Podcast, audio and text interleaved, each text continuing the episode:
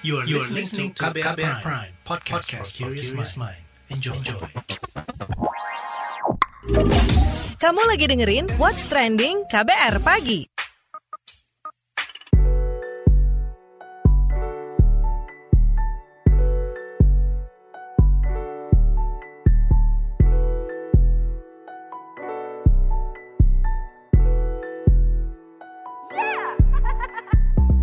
KBR Pagi, siaran pagi radio paling update. Selamat pagi, apa kabar Anda hari ini di hari Kamis 14 Januari 2021? Ketemu lagi dengan saya Don Brady di What's Trending KBR Pagi yang seperti biasa ngobrolin hal-hal yang lagi ramai diperbincangkan, yang trending topik, yang lagi viral. well, Pagi ini kita ngobrolin soal proses penyuntikan vaksin pertama kali di Indonesia yang diberikan kepada Presiden Joko Widodo di Istana Kepresidenan kemarin dan ini disiarkan secara langsung baik di media massa elektronik maupun lewat streaming akun YouTube Sekretariat Presiden.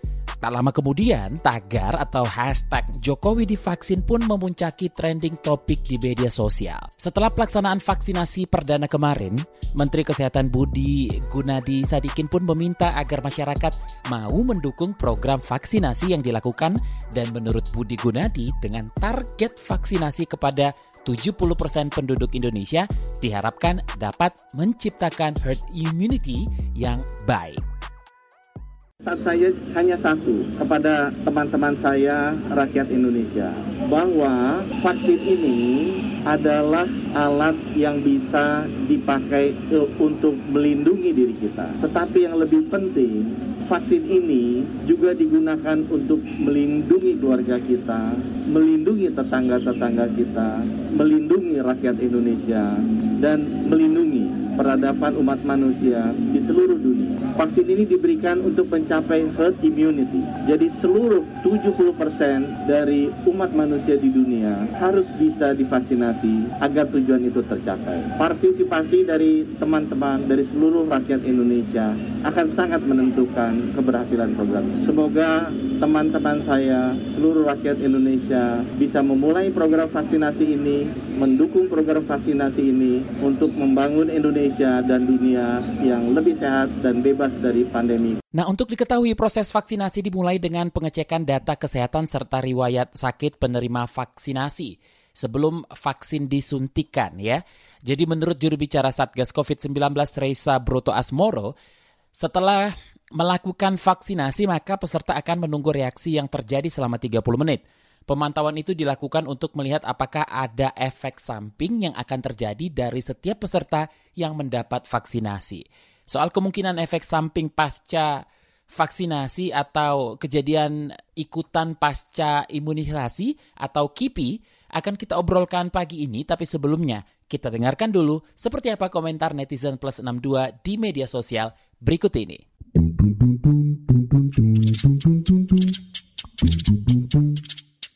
Ke komentar akun @mahen6920219. Pak Jokowi jadi orang yang pertama. Jangan takut vaksin ya. Yuk dukung dan sukseskan vaksinasi COVID-19. Lanjut ke komentar akun @jeondewi underscore. Saya selalu siap untuk selanjutnya ya, walaupun Aing takut jarum suntik. Terus ke akun @davidgosal4. Pahami, Kepala BPOM Penny Lukito menjelaskan dengan efikasi 65,3 vaksin COVID-19 Sinovac tersebut sudah memenuhi standar pemberian izin darurat. WHO diketahui memberi syarat vaksin harus memiliki efikasi minimal 50%. Terus ke komentar akun @paltiwes, Pak Jokowi divaksin ya, nggak ada rekayasa dan stuntman. Tagar vaksinasi dimulai. Ke akun @herdinai, Pak Presiden sudah divaksin, saya siap nih berikutnya. Terus ke akun @alesya Kansa, vaksin penting bagi masyarakat. Lanjut ke komentar akun @milkshake strawberry. Dia bilang, iya benar makanya rajin membaca jangan cuma kata-katanya doang dan harus cari referensi artikel jurnal kesehatan gimana cara pemberian, rute, dosis dan efek dari vaksin tersebut. Aneh banget rakyat kita suka kemakan hoax. Terus lanjut ke komentar akun @rahmat underscore hm80. Jumlah vaksin terbatas untuk saat ini. Saya gelombangin terakhir aja deh, kasih duluan aja yang membutuhkan. Terus ke akun @fanjunkies. Raffi Ahmad itu influencer. Dia sama bininya sakit perut aja ada yang beritain. News value-nya gede. Multiplier efeknya luar biasa biasa, wajar aja dia dapat vaksin duluan pengaruhnya bisa kejutaan orang. Terakhir ke akun @mrafihdyt. Meskipun berharap pandemi pengennya cepat-cepat kelar, tapi vaksin bukan obat mujarab. Long way to go from the minimum percentage to achieve herd immunity, and the cases is still high and uncontrolled. Positivity rate is three times higher than WHO standard. But thank you, Mr. Jokowi. What's trending KBR pagi? Balik lagi di What's Trending KBR pagi yang ngobrolin soal kekhawatiran atas kemungkinan KIPI vaksin COVID. KIPI itu adalah kejadian ikutan pasca imunisasi ya. Nah, berbicara soal efek samping pasca vaksinasi, Kepala Badan Pengawas Obat dan Makanan atau BPOM, Penika Lukito, memberi penjelasan soal kejadian ikutan pasca imunisasi ini. Menurutnya, masyarakat yang mengalami KIPI dapat melaporkan kondisinya ke fasilitas pelayanan kesehatan atau Faskes.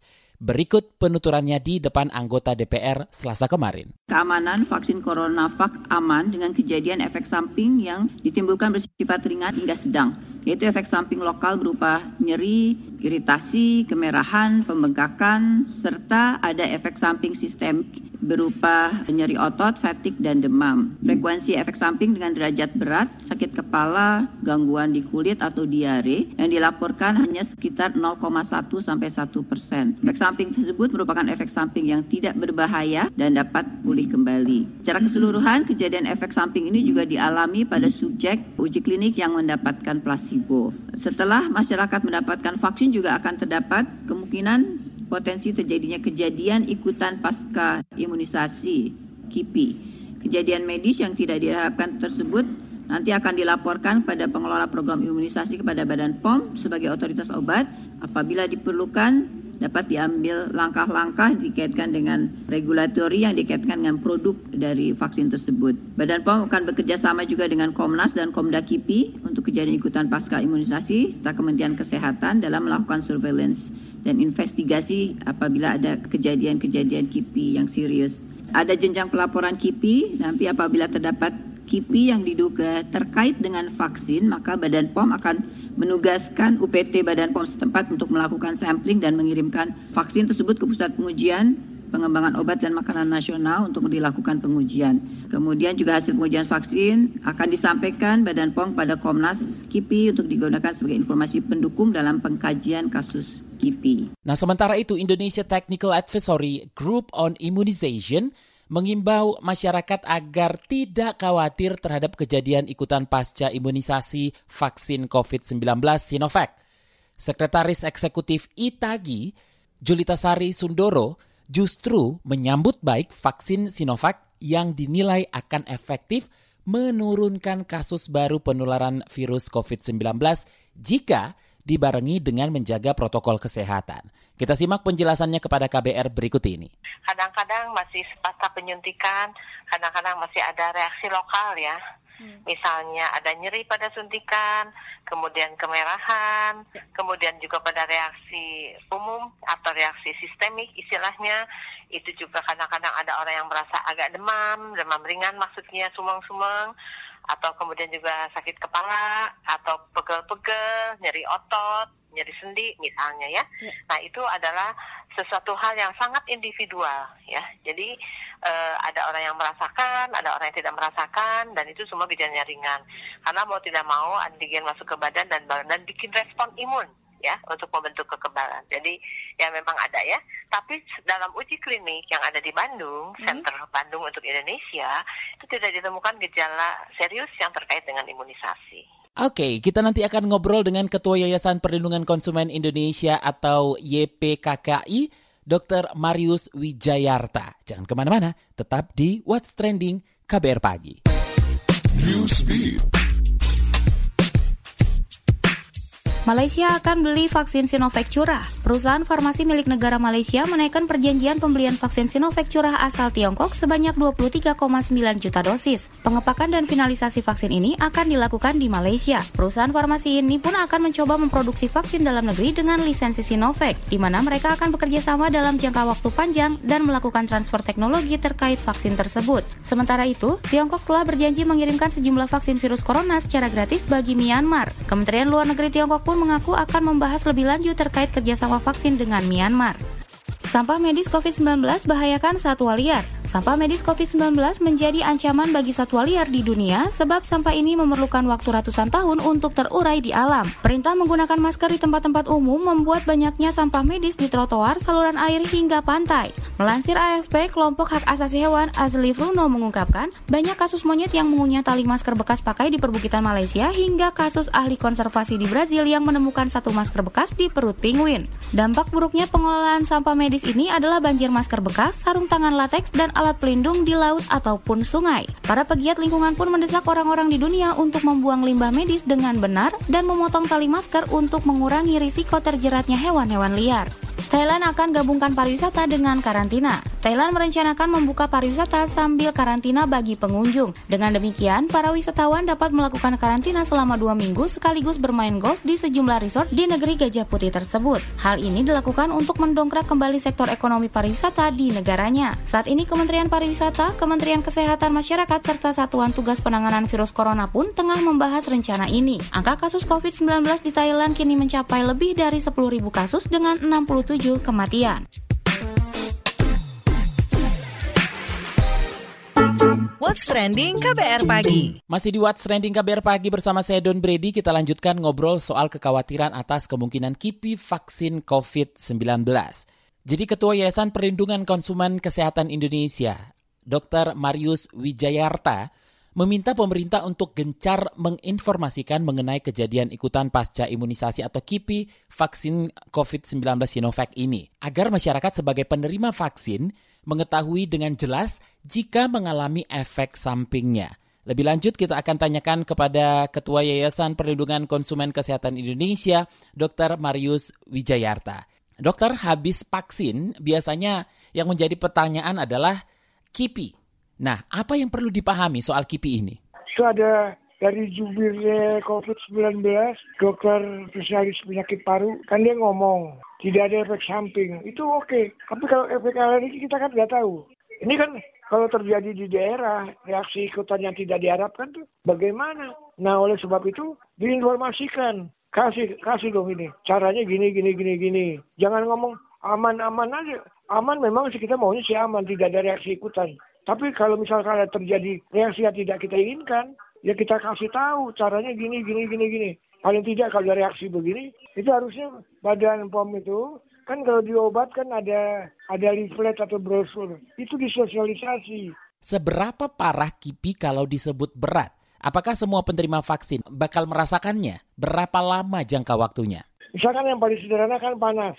Habis vaksinasi kan kadang-kadang suka panas saya bawain ini kalau obat panas kalau diminum kalau di atas 36 36 derajat. Itu kalau panasnya tinggi kan kejang. Kejang, kejang kalau ketolongan mati otaknya rusak. Yang penting gini, setiap ada benda asing masuk ke tubuh kita kan ada reaksi. Bisa aja paling sederhana panas. Gitu kan itu dicatat. Nanti habis divaksin dampak buruknya apa. Nanti lapor ke dia. Secara administrasi doang tertulis. Oh dampaknya dari sini dia kayak gini, gini, gini, gini. Dan sedangkan namanya ilmu kedokteran kan perlu waktu cepat kan penanganan. Ada namanya golden period.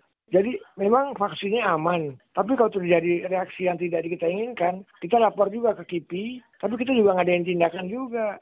Supaya apa tidak ada efek buruknya. Secara administrasi lapor ke KIPI. Itu cuma dicatat doang. Oh habis disuntik ada panas, ada gatel. Gatel kalau cuma kecil bekas suntikan kan urtikaria. Itu diamin aja. Nanti yang sedih tapi kalau jalan alergi hebat, kayak semut jalan bibir bengkak, mata bengkak, itu segera ke puskesmas paling nggak ke dokter lah. Untuk dikasih obat yang antihistamin tuh. Nah, perlukah kita khawatir dengan KIPI pasca uh, vaksin? Besarkah resikonya? Ini kan sekarang kan media sosial kan ada kadang ada hoax juga kan. Harusnya kita harus mencegah. Karena kadang-kadang hoaxnya itu lebih tinggi beritanya dibandingkan yang benarnya. Jadi Kementerian Kesehatan minta bantuan dari media. Jadi minimal tuh leaflet atau brosurnya tuh kan ada di dalam kotaknya tuh. Ya. Itu disosialisasikan. Jadi emang memang sih aman sih tetap aman. Tapi kalau kejadian ikutan yang tidak diinginkan kita harus apa yang dikerjakan. Itu penting. Jadi kalau keamanan sih dari Bio Farma saya akui hebat ya. Kalau nggak nggak mungkin dia menguasai vaksin polio dunia, vaksin tetes polio, Bio Farma itu biasanya kadang-kadang reaksi ikutan ini yang kita tidak harapkan kadang-kadang suka keluar. Untuk itu ada peringatannya juga. Supaya apa? Supaya programnya sukses. Gini, kita kan punya Undang-Undang Perlindungan Konsumen nomor 8 tahun 99. Di mana di undang-undang itu disebut ada hak dan kewajiban pasar konsumen. Haknya mendapatkan informasi yang benar, jelas, dan jujur. Kalau tidak dapat informasi bisa digugat oleh Badan POM dan main-main loh gugatannya tinggi juga loh. Lima tahun penjara, denda maksimal 2 miliar. Jadi kalau menurut saya, ini kan masih ada waktu kan. Sekarang kan baru tenaga kesehatan doang kan. Besok-besok kan rakyat. Kalau terjadi efek tidak diinginkan, bagaimana? Kasih tahu caranya. Terima kasih Ketua Yayasan Perlindungan Konsumen Kesehatan Indonesia atau YPKKI, Dr. Marius Wijayarta. Commercial break. Commercial break. Psikolog Tiffany Chandra menjelaskan ciri-ciri orang tua toksik karena ini kan toksik dan tidak toksik agak susah ya yeah. bagi kita untuk membedakan terutama di budaya kita. Yang nggak boleh tuh kayak melawan orang tua. Memang kita yeah, tuh yeah. dari kecil dibiasakan orang tua soal benar. Memang kita udah terima itu sebagai suatu fakta. Betul, nah sulitnya bagi kita membedakan itu sehingga kebanyakan yang punya orang tua toksik tapi nggak sadar bahwa secara emosional mereka sudah di abuse karena mereka taunya memang yang namanya orang tua ya kayak gitu selalu benar. Yang salah pasti anaknya. Itu yang dikhawatirkan nanti nanti pasti pembelaannya ya kalau mama atau papa nggak sayang sama kamu nggak mungkin lah kamu disekolahin nggak mungkin lah dibeliin macem-macem gitu. Hmm. padahal mungkin secara emosional mereka memang mendapatkan abuse. Simak lengkapnya dalam podcast Disco Diskusi Psikologi. Episode menghadapi orang tua yang toksik di kbrprime.id atau platform mendengarkan podcast lainnya. What's Trending KBR Pagi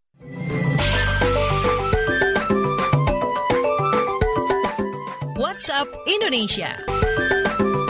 WhatsApp Indonesia dimulai dari Jawa Tengah. Sejumlah daerah siap melakukan vaksinasi COVID-19. Salah satunya adalah Kota Solo, Jawa Tengah. Wali Kota Solo, Hadi Rudiatmo, menerima langsung kedatangan pengiriman vaksin tahap pertama. Menurut Rudi, tenaga kesehatan menjadi prioritas utama tahap pertama vaksinasi di Solo. Selain Solo, sejumlah daerah lain yang siap menggelar vaksinasi adalah Jawa Timur. Dinas Kesehatan Jatim menyatakan sebanyak 200-an ribu tenaga kesehatan sudah terdaftar sebagai penerima vaksin. Sementara itu pelaksanaan vaksinasi dilakukan secara bertahap. Pada tahap pertama, Pemprov akan menjadwalkan vaksinasi di tiga wilayah, yakni Sidoarjo, Gresik, dan Kota Surabaya.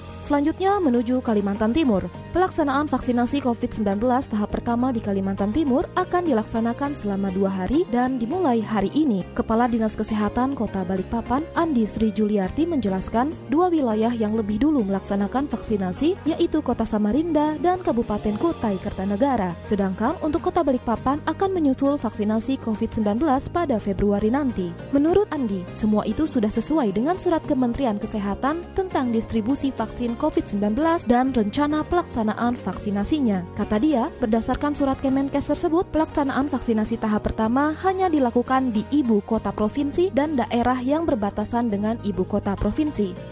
Terakhir, mampir Sulawesi Tenggara. Kementerian Kelautan dan Perikanan KKP mengembangkan Kabupaten Bombana, Sulawesi Tenggara sebagai kawasan pesisir tangguh untuk mengurangi risiko bencana alam dan perubahan iklim. Kerentanan akan bencana di Kabupaten Bombana terjadi akibat alih fungsi hutan mangrove. Pemerintah pun akan meningkatkan kualitas hidup di kawasan pesisir dan meningkatkan kesiapsiagaan masyarakat terhadap risiko bencana serta perubahan iklim. Melansir kantor berita Antara, Direktur Pendayagunaan Pesisir dan Pulau Kecil KKP Muhammad Yusuf mengungkapkan mereka telah melakukan kegiatan pembangunan sarana prasarana pengurangan risiko bencana pada 2020 lalu. Beberapa sarana yang dibangun adalah peninggian jalan, pembuatan jalur evakuasi, pembangunan unit informasi dan mitigasi bencana. Saat ini kesadaran masyarakat dan peran serta aktif masyarakat dalam program pembangunan wilayah terus ditingkatkan. Demikian WhatsApp Indonesia hari ini. Demikian KBR pagi hari ini. Jika Anda tertinggal siaran ini, Anda kembali bisa menyimaknya di podcast What's Trending yang ada di kbrprime.id, di Spotify, atau di aplikasi mendengarkan podcast lainnya. Don Brady undur diri, besok kita ketemu lagi ya. Seperti biasa, stay safe. Bye-bye. Terima kasih ya sudah dengerin What's Trending KBR Pagi. KBR Prime, cara asik mendengar berita. KBR Prime, podcast for curious mind.